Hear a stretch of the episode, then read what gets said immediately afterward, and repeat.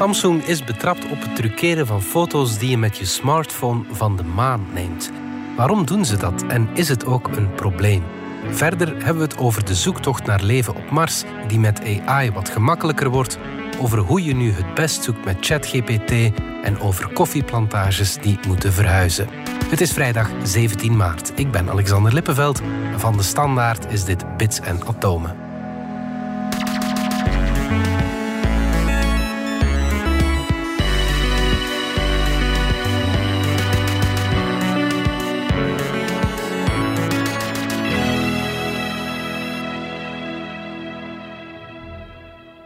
Pieter van Doren, wetenschapsjournalist en Dominique Dekmijn, technologiejournalist. Dominique, Samsung, het bekende smartphonebedrijf, is betrapt op het vervalsen van foto's. Hoe zit dat uh, in elkaar? Wel ja, het is helemaal waar. En tegelijk moet het ook genuanceerd worden. Mm -hmm. en, uh, ja, dat doen wij hier in dit atomen. Uh, wel, dus ja, uh, als je met een dure Samsung-telefoon, niet met de gewone, maar met de Samsung S23 Ultra. Hè, wow, dat klinkt al duur. Dat, dat klinkt al duur. Uh, en de, de S22 Ultra en de 21 Ultra deden dat ook al. Als je daarmee een foto neemt van de maan, mm -hmm. uh, dan ziet die er echt fantastisch uit. En Samsung pakt daar graag mee uit. Want fotografen uh, die dat al geprobeerd hebben, weten hoe moeilijk het is om een mooie foto van de maan te maken. Maar nu is aangetoond dat die foto's fake zijn. Oh. Samsung gebruikt vuile trucs om te zorgen dat maanfoto's er spectaculair goed uitzien. En dat wekt de indruk dat die camera veel beter is dan die is. Uh, hoe is dat aangetoond? Mm -hmm. Wel, heel wat mensen vermoeden al van... goh ja, ze pakken daar zo mee uit met die maanfoto's. Maar dat kan toch eigenlijk niet? er moet iets aan de hand zijn. En, maar ze hebben dat niet echt kunnen aantonen. Mm -hmm. En nu heeft iemand het wel gedaan. Wat heeft hij gedaan? Die heeft een foto genomen van de echte maan. Mm -hmm. Heeft hij dan onscherp gemaakt, details weggehaald door hem te reduceren tot 170 pixels breedte. Heeft dat op zijn scherm geprojecteerd. Mm -hmm. Heeft daar dan een foto van genomen met die camera. En heeft dan zo kunnen aantonen dat hij dan een scherpe foto van de maan kan maken door een foto te maken van een onscherpe foto van de maan. Hoe kan dat? Ra, ra, ra. En het antwoord is uiteraard... Samson heeft details toegevoegd. Ja, het antwoord is artificiële intelligentie natuurlijk. Of eigenlijk gewoon ja, de, trucken, de trucken die omgaan in een smartphonecamera. Ja. En dan is de vraag natuurlijk, hoe erg is dat? Ja, ja want je hebt wel een mooiere foto's? foto natuurlijk. Je dus hebt een mooie foto. Ja. Je wil een mooie foto. Mm -hmm. Samsung zegt, je gaat een mooie foto kunnen maken van de maan. En jawel, je kunt een mooie foto nemen van de, naam, ja. van de maan. Is dat jouw foto? Goh. Ja. Dus wat, wat hier aan de hand is, dus wat Samsung heeft gezegd, hè, want daar werd al eerder van gezegd van die foto's zijn te mooi om waar te zijn. Het gaat om heel erg ingezoomde foto's, moet ik erbij zeggen. Je -hmm. gebruikt de maximum zoom van die camera en dat is een honderdmaal zoom. En dan oh. weet je al, in zo'n kleine camera kan Met geen echte oogje, ja. optische honderdmaal zoom. Dus dan weet je sowieso als je zo hard zoomt dat je al vuile trucken bent mm -hmm. aan het gebruiken. En vuile trucken heten uh, in het precieze jargon computational photography. Dat wil zeggen, je ziet niet echt wat er op de lens te zien is, maar met een heleboel extra rekenwerk en misschien informatie die we van elders halen, bijvoorbeeld van een andere camera op hetzelfde toestel, kunnen we het effect verbeteren. Kunnen we beter benaderen wat er te zien was, of wat jij dacht dat er te zien was en wat je graag zou willen zien. Uh, Randen scherper maken, kleuren egaliseren, al dat soort uh, ja, wiskundige trucs. Dat is al heel gewoon. En ook, maar ook dat is dat inderdaad al heel ingrijpend. Alleen uh, in dit geval uh, worden er details van elders mm. toegevoegd aan die maan. Mm. Ja, wat, wat, is dan die elders? Wel, Samsung heeft dat niet willen zeggen. Wat ze wel gezegd hebben is van, uh, en dat hadden ze al eerder gezegd, is we zijn geen, eigenlijk geen foto van de maan erin aan het plakken. Dat zijn we niet aan het doen. Want natuurlijk, je, je, ziet altijd dezelfde kant van de maan. Hè? Ja. mm. Het is dus relatief gemakkelijk dat beeld aan te vullen. Maar nee, we plakken er geen bestaande foto van de maan over. Maar we verhogen de details in het beeld met gebruik van artificiële intelligentie. Nu, dat is ja, eigenlijk dat is een andere hetzelfde manier om zeggen. hetzelfde te zeggen. Ja, want als, je kunt ja, namelijk... Is dat zo? Ja, uh, fotografen doen dat toch dagelijks in Photoshop uh, en Lightroom en van die, van nou, die dingen. Uh, wat je, dus, je kan van alles doen aan je foto, maar je kan geen details tevoorschijn toveren die er niet waren. En in heel wat van die films zie je dan... Dus echte IT-specialisten lachen daar graag mee... dat je dan een, een onscherpe foto hebt van een beveiligingscamera en dat dan iemand zegt... Enhance. En dan komen er allemaal details bij die er niet op stonden. With the right equipment, the image could be enlarged and sharpened. What's that? It's an enhancement program. Can you clear that up? Let's enhance it. Enhance section A6. I enhance the detail and Enhance. there's enough to enhance. Release it. Enhance, freeze, and enhance. All right, let's run this through video enhancement. Enhance the image from here. Can you enhance it right here? Can you enhance it? Can you enhance it? Can we enhance this? Can you enhance it? Dat kan niet. Why is it still blurry? That's all the resolution we have. Making it bigger doesn't make it clearer. It does on CSI Miami. Tenminste, dat kon niet. Maar kan nu eigenlijk wel als je artificiële intelligentie gebruikt, neurale netwerken die getraind zijn op gelijkaardige beelden en die details kunnen toevoegen die er niet zijn, maar die ze van elders kennen. With the right combination of algorithms. He's taken illumination algorithms to the next level, and I can use them to enhance this photograph. Zo kun je een foto van de zee, een vage foto van de zee, verscherpen en daar zeer gedetailleerde golven op laten zetten. Maar die komen van een andere zee uit een andere foto. Dat kan. En dat kan dus met de maan heel simpel. En dat is wat Samsung doet. En dan is de vraag, ja, eh, is dat erg? Ja. De realisatie die je moet maken is dat het beeld dat we, die foto die we op eh, Facebook of Instagram posten, dat dat niet het beeld is dat het licht gevormd heeft op de sensor van je camera. En dat is elk jaar wat minder zo. Elk jaar is er wat meer rekenwerk aan te pas gekomen. Een tip dat ik altijd eh, geef als je dat wilt weten. Pak een selfie van jezelf en zoom eens in op de kleinste details. Je zult zien dat er rond de ogen en de mond rare dingen gebeuren. Eh, vaak kun je Doe dat je dan met, met rare dingen? Er wordt wat glad getrokken. eh, glad in ieder geval minder rimpels. Minder hè. dus die ja, hebben de neiging ja, om ja. je er een beetje beter uit te laten uitzien. Misschien hier en daar een vlekje weg te werken. Dat eh, zou kunnen veroorzaakt worden door het licht. Maar het kan ook een vlek- vlekje in je huid zijn. Dus dat, er wordt van alles raar er glad getrokken aan een gezicht. Die Samsung-camera die heeft dat ook. Want die functie heet eh, eh, Scene Optimization. Oké. Eh, dus, en als je dus inzoomde op 100 keer zoom, inzoomde op de maan en scene optimization stond op, dan ging je dus die AI-dingen doen. Je kon dat ook afzetten. Maar dat is interessant om te weten, eh, om eens te kijken of jouw camera standaard wel of niet aan de gezichten prutst. Maar de kans is, is vrij reëel. Eh, veel van de camera's die specifiek op jongeren worden gericht, dat selfies al automatisch een beetje bijgewerkt worden. En het is veel ouder dan dat natuurlijk. Want het Kodak-pellicule-filmpje... Waarmee, je- waarmee we in de jaren 60 al foto's Mhm. trokken... Ja, dat geeft niet echt weer wat je ziet. De lucht op een Kodak-foto was altijd diep blauw. Ja, en mensen die op een strand lagen... die kleuren kwamen echt eh, heel goed over... Vooral, en dat is dan later mensen gaan opvallen, vooral als het eh, blanke mensen waren, eh, eh, witte mensen waren. Achteraf hebben, hebben heel veel mensen geklaagd, ja, Kodak-filmpjes heel, eh, is juist heel slecht om mensen met een andere huidskleur optimaal... En, dat, maar daar, daar had je wel een andere optie voor. Je kon een Fuji-filmpje kopen. Oh ja, dat was duidelijk verschil En dan zag je er met een meer Aziatische tint wat beter uit. Eh, en dan was die lucht niet zo diep blauw. Voor zwarte mensen was, was zo nooit een, een pellicule gemaakt. Dus je hebt eigenlijk nooit gefotografeerd wat er echt te zien is. We, we willen een foto die er, die er fijn uitziet. En ja, met die smartphones is de beperking nu eenmaal... die lens is piepklein. Je kan daar geen foto mee trekken die echt lijkt op, een, eh, je met zo'n hele grote... eh, Joekel. Ja. joekel trekt. Maar met trucken van de voor kan je wel aardig in de buurt komen. Bijvoorbeeld bokeh uh, of portrait mode effect, waarbij je de achtergrond onscherp trekt. Zo lijkt het alsof je met een enorme lens op een Ja. grote kamer hebt gewerkt. Dat is even fake. Is dat even fake als die maan? Ja, ik vind van wel. Eigenlijk wel, ja. Maar is het erg? Boah. Goh, aan de andere kant kun je natuurlijk wel zeggen... ben je wel eigenlijk je camera aan het eh, aanprijzen... door de suggestie te wekken dat hij iets kan wat hij eigenlijk niet kan... behalve dan voor die maan met vuile trucken. En blijft het dan bij die maan? Of stel dat je een mooie boom fotografeert, gaat hij dan ook die blaadjes wat... Wel, technisch kan dat. Ja, Technisch kan ja. dat. Eh, dat heeft men nu in dit geval, daar heeft men Samsung nu nog niet op betrapt. Gaat dat ooit gebeuren? Ja, natuurlijk gaat dat gebeuren. Want effectief, hè, dus zoals ik zei, dus die, die, die beeldverscherpingsfuncties met AI, gedetailleerde golven toevoegen, of inderdaad aan een boom gedetailleerde bladeren.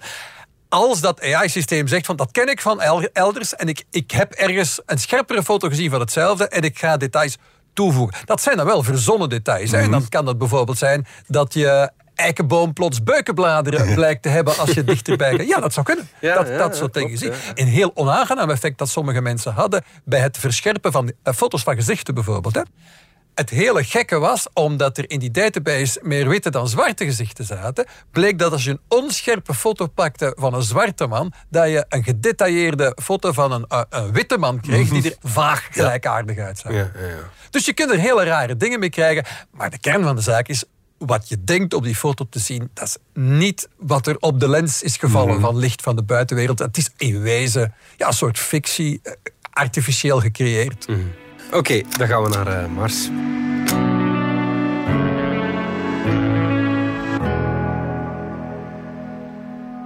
Pieter, ook onze zoektocht eh, naar leven op Mars kan wel geholpen worden door eh, artificiële intelligentie. Ja. Vertel. We zijn zover dat we de tricorder uit Star Trek kunnen gaan gebruiken.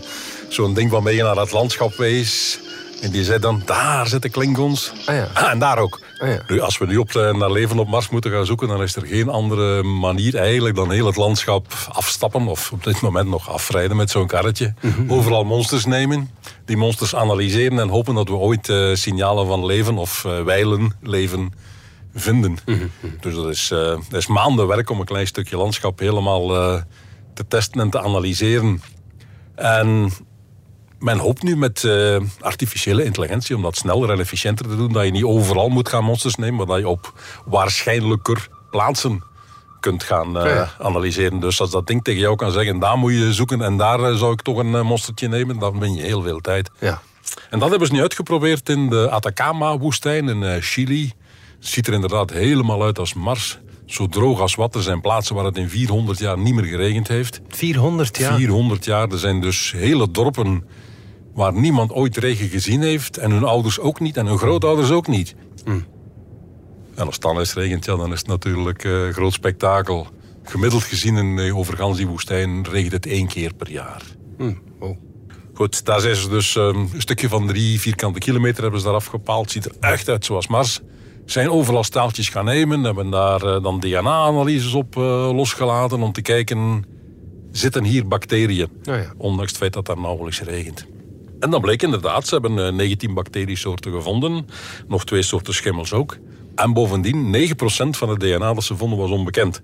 Ah ja, oké. Dus er zitten ook nog beestjes waarvan we niet weten hoe ze eruit zien en hoe ze heten. En 9% dat is ook niet weinig. Nee, dat is niet weinig. Ja, Dus, eh, Ja. Goed, het zijn ook zeer bizarre omstandigheden. Dus het zou best kunnen dat er inderdaad zeer bizarre organismen leven. Mhm. Heel die kaart hebben ze gemaakt van al dat eh, DNA waar het zat.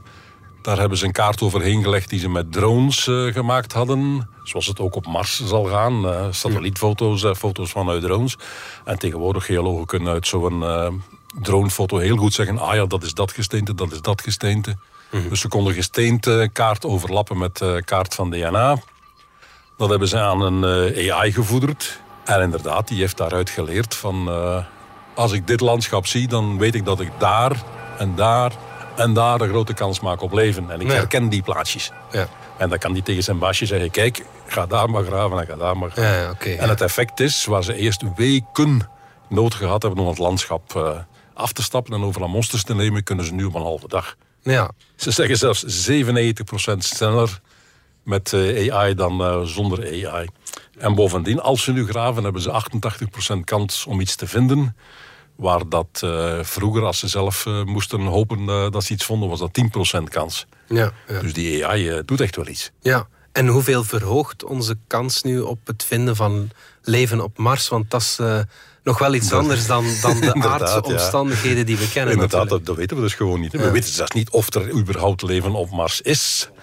We nemen aan dat de kans daar groot is, of groter dan op eh, andere planeten. Maar ja, de rest zal moeten blijken. Ja. Alleen met deze getrainde AI zou je op Mars al een eerste vluchtige inspectie van het landschap kunnen doen met een grotere kans om iets te vinden als het er is. Ja. Dan als je gewoon eh, zelf moet gaan rondstappen met een schopje. Ja.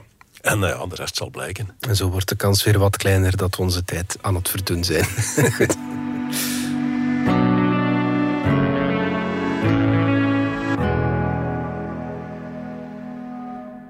Dominique, nu weten we hoe eh, Mars-wetenschappers op zoek moeten gaan met AI. Maar uh, laat ons ook eens kijken hoe de gewone mens daar zijn voordeel uit kan halen. Je hebt wel wat tips. Ja, ik, ik merk dat heel veel mensen dat gewoon willen doen. Ze gebruiken ChatGPT dan om informatie op te zoeken, maar daar is het eigenlijk helemaal niet geschikt voor. Nee. Terwijl er een aantal instrumenten nu zijn opgedoken de laatste weken pas. Dat is allemaal supernieuw.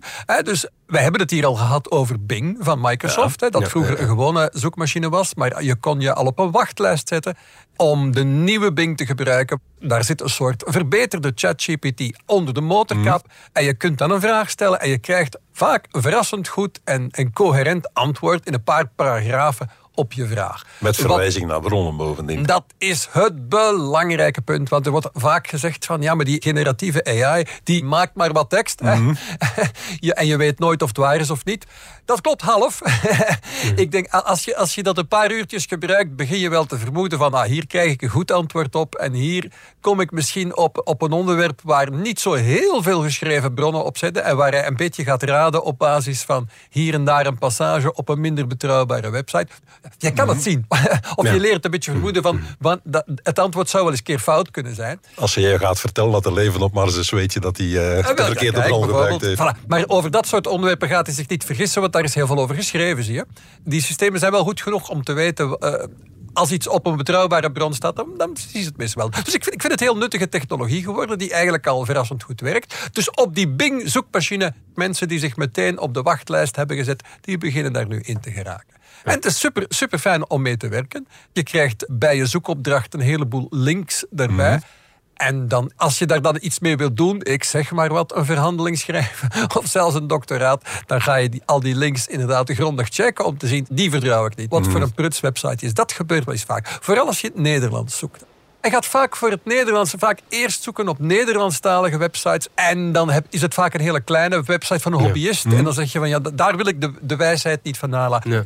Kan je nog niet op Bing, dan zijn er een aantal andere websites uh, waar je heel gelijkaardige dingen kunt doen. En die ik super interessant vind. En die echt laten zien dat zoeken op het internet momenteel opnieuw wordt uitgevonden. En mijn persoonlijke favoriet, dat ik zeg van probeer het eens uit, heet uh, Perplexity. Het is een beetje een rare naam.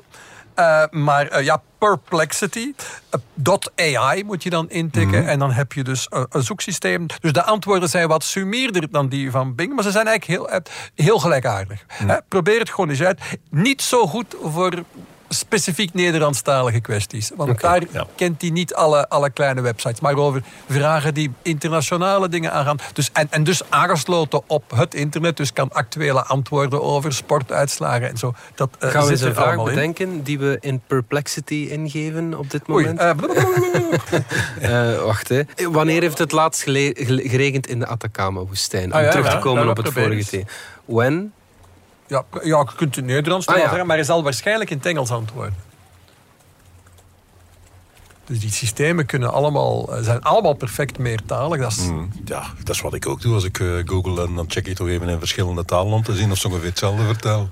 Volgens een artikel op scientias.nl heeft het in maart en augustus 2015 geregend in de Atacama-woestijn. En dan krijg ik één bron en dan is dat. Scientias wat een eh, betrouwbare website is. Ja, maar het is wel maar één bron. Is dat dan wel zo betrouwbaar? Want onze journalistieke... Scientias is een eh, journalistieke site die zelf zijn materiaal weer, weer elders haalt en daar ook naar verwijst. En als je in het Engels de vraag stelt, dan zegt hij... Rain events have been recorded in the recent years. The last time it rained in the Atacama Desert is not specified in the search results. Dus je krijgt wel een ander resultaat. En dat is gek. Dat is gek, maar dat, dat kom je wel eens keer tegen... dat, het, dat je e- de ene keer een beter uh, antwoord krijgt dan de volgende. Ja, het zijn statistische mhm. systemen... die statistisch waarschijnlijke antwoorden op je vragen uh, formuleren. Soms is het dus inderdaad nuttig van een vraag twee keer te stellen.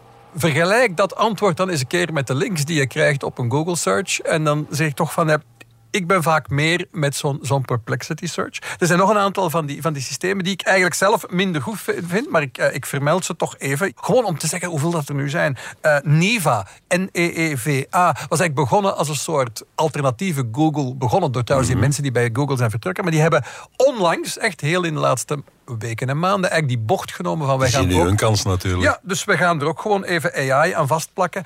Best wel goed ongeveer hetzelfde, denk ik, als die Perplexity. Er is een andere, dat uh, Andy Search, A-N-D-I, Search heet, uh, die dichter bij een traditionele search zit. Of die even betrouwbaar is, ik kan, kan, kan het niet om, onmiddellijk zien. Je hebt ook een aantal plugins nu in de browser die beloven dat ze dan rechtstreeks je vragen of een tekst zullen mm -hmm. voorleggen aan ChatGPT. Niet over de actualiteit, want dat kan je niet met ChatGPT een nuttige tip als je vaak naar ChatGPT wil. De website van, uh, van OpenAI, waar ChatGPT zit, is vaak overbelast. Maar er zijn een paar andere manieren om er toch aan te geraken. En een heel goede manier is de PO-app. P-O-E. De PO-app is eigenlijk van Quora. En dat is de website waar je al Mm. jaren antwoorden van vragen, experts op, de, op de gekste vragen verzamelt. En die hebben dus hun eigen versie eigenlijk van ChatGPT in die PO-app. Het is een, een iets wat andere variant, blijkbaar, iets wat andere smaak, maar je krijgt heel gelijkaardige antwoorden. Bijna altijd toegankelijk, niet zoveel Mhm. volk op, werkt, uh, werkt prima. En extra interessant is dat je daar kan kiezen: wil ik praten met ChatGPT of wil ik praten met Claude? En Claude is één grote uitdager van Mhm. ChatGPT, waar weinig mensen van gehoord hebben, maar dat komt van een ander bedrijf, uh, Anthropic. En dat zijn mensen die dan bij OpenAI zijn vertrokken Okay. om iets heel gelijkaardigs als ChatGPT te bouwen, maar op een manier die zij zelf meer ethisch vinden. En Mhm. goh, die hele ethische AI-zaak, daar kunnen we een lang verhaal over vertellen. Maar bon, het is een interessant alternatief voor ChatGPT. Opmerkelijk goed. En je kan de twee daar gaan, zitten vergelijken en uh, ze, ze, allebei proberen. Er zitten trouwens nog een paar andere AI-systemen ook in die app Po. Maar nog, nog eens bijzeggen, dus dat, dat is dan geen live internetinformatie. Dat is voor uh, oudere informatie op te zoeken. Dus eigenlijk een alternatief voor of een snellere weg naar ChatGPT.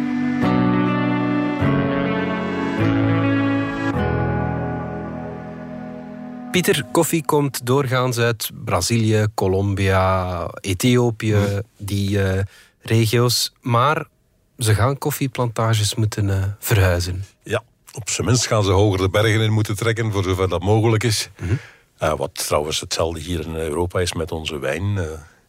De wijnbouwers steken dat uh, zorgvuldig weg, maar ook uh, onze wijn is niet meer wat hij volgens de definitie zou moeten zijn. Die komt ook van andere percelen tegenwoordig, of ze moeten andere druiven gebruiken. Mm -hmm. Bij koffie zien we hetzelfde. Het klimaat uh, warmt op en ja, plaatsen die vroeger wel geschikt waren voor koffie zijn dat tegenwoordig minder en minder. Mm -hmm. nu, er zijn zo'n 120 botanische koffiesoorten, koffierassen in de wereld.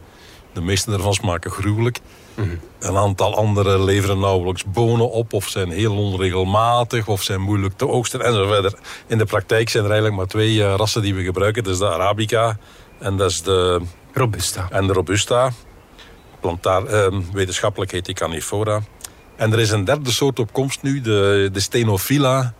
Die warmere en drogere klimaten kan hebben dan die andere twee. En die ook redelijk schijnt te smaken. Maar in elk geval, we zitten met een probleem. En er zijn nu mensen die het eens allemaal een beetje opgelijst hebben. Die hebben de jongste 40 jaar, dus sinds 1980, is in kaart gebracht. En gekeken naar een aantal uh, omstandigheden die goed of slecht zijn voor koffie. Mhm. Mm -hmm. Ze hebben uh, zowel voor Arabica als voor Robusta zes uh, dingen opgelijst waar ze moeten op letten. Bijvoorbeeld uh, de maximumtemperatuur tijdens een dag, de luchtvochtigheid, gemiddelde jaartemperatuur, mm -hmm. al dat soort dingen. En dan blijkt bijvoorbeeld voor uh, Arabica moet de gemiddelde jaartemperatuur tussen 18 en 22 graden liggen. Dus dat wil niet aangenaam. zeggen dat het dus een dag niet heter kan zijn. Ja, ja, ja. Het gaat over een gemiddelde. Maar boven de 22 uh, gemiddeld gezien is het niet meer leuk. En als je dan gaat kijken naar één dagstemperaturen, dan mag het tot 29,5 graad gaan ah, voor een Arabica er echt uh, brokken mee krijgt. Maar als het één dag boven de 29,5 zit, is het krak. En dat is nu ook wel nog niet gruwelijk warm natuurlijk. Dat is nog niet gruwelijk warm. Nu Robusta die doet het een uh, 4, 5 graden beter. Mhm, Mm -hmm. Dus die kan wat uh, betere omstandigheden aan. Maar bijvoorbeeld in uh, Zuid-Brazilië, de grootste Arabica-producent ter wereld, ik denk dat iets van een 80% van de wereldproductie of zo leveren. Daar is het sedert 2014 elk jaar gemiddeld boven de 22. En dat was de bovengrens voor, okay, uh, voor ja. jaar. Ja. Dus die zitten uh, in de problemen. Die hebben dat voorlopig opgelost door schaduwbomen te gaan planten in hun plantages. Waardoor de koffiestruiken zelf er minder last van hebben. Maar die weten nu al dat ze hoger op de bergen in zullen moeten gaan. Voor zover ze daar bergen hebben. Mm -hmm. Die zitten met een probleem ja. over uh, iets langere periode. Robusta heeft sinds 2000 geen enkele keer nog te koude periodes gehad. Mm, ja. Er zijn ook ondergrenzen als het te koud is voor die koffiebonen groeien die ook niet. Dat kwam vroeger aan en toe een keer voor. Maar sinds 2000, geen enkel jaar nog was het te koud.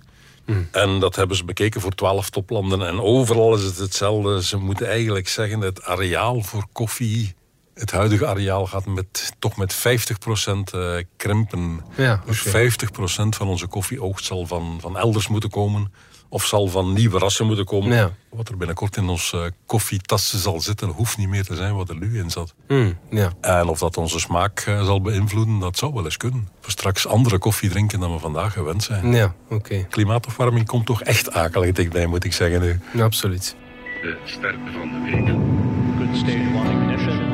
To explore. No man has gone before.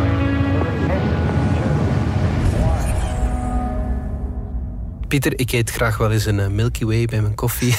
Jij hebt ook een verhaal over een melkweg eh, als Ja. ster van de week. Over de eenzame melkweg, de Lucky Luke eh, melkweg, zeg maar. I'm a Milky Way far away from home. nu, we hebben het eh, deze keer over melkweg 3C297. 3C297. Heel ver hier vandaan, 9,2 miljard lichtjaar. Oh. Dus dat is echt wel een eindje. Ja, ja, ja. Eh, het is een joekel. Het is eh, wat wij noemen een eh, quasar. En dat is het restant van echt een gigantische, gigantische ontploffing. Ja, ja, Dus het is een melkweg met in zijn centrum een heel, heel, heel groot zwart gat. Ja, ja, ja. super zwaar. een superzwaar zwart gat. Het heet dus een quasar. Typisch voor quasars is dat ze ook materiestralen eh, het heelal injagen. Dus eh, ze vreten heel hun omgeving leeg. Ze zuigen eh, materiaal aan met zo'n krachten en zo'n snelheden dat dat gaat opgloeien tot duizenden, soms miljoenen graden. eh, waardoor het zelf X-stralen uitstuurt. En het zijn de X-stralen van wat er in dat zwart gat verdwijnt. Of aan het invallen is, die- wij zien. Ah ja, oké. ja, ja. En we zien ook dat er dus in die processen ergens materie uitgespuwd wordt. En die zien we als eh, grote jets, als eh, stralen. En die zien we weer in het radiogolflengtegebied. Die melkweg is dus gevonden in het X-straal-golflengtegebied door eh, Chandra, een eh, X-straal-satelliet. Dat hebben ze gecombineerd met radiobeelden, met infraroodbeelden, met beelden in het zichtbaar licht, die allemaal weer andere details bovenhalen. En dan zie je rare dingen. Eh, die melkweg in een gebied waar enorm veel gas op miljoenen graden Celsius eh, rondzweeft. En dat is typisch voor een cluster van melkwegen. Waar een, een gebied waar een aantal melkwegen relatief dicht bij elkaar ontstaan zijn en samen heel veel heet gas produceren. Je ziet ook die jet, of een van die, die jets van die stralen die die uitstuurt. 140.000 lichtjaar verder knalt die ergens tegenop en zie je opnieuw X-stralen eh, opduiken. Dus daar ploegt hij zich doorheen eh, materie. Wat ook weer typisch is voor een cluster van melkwegen. Eén melkweg stuurt een straal uit en een eindje verder is er een andere melkweg en daar interageert die mee en dan, dan zie je dit gebeuren. Ja. Alleen omheen die melkweg is niks anders te vinden. Er zijn geen andere melkwegen rond.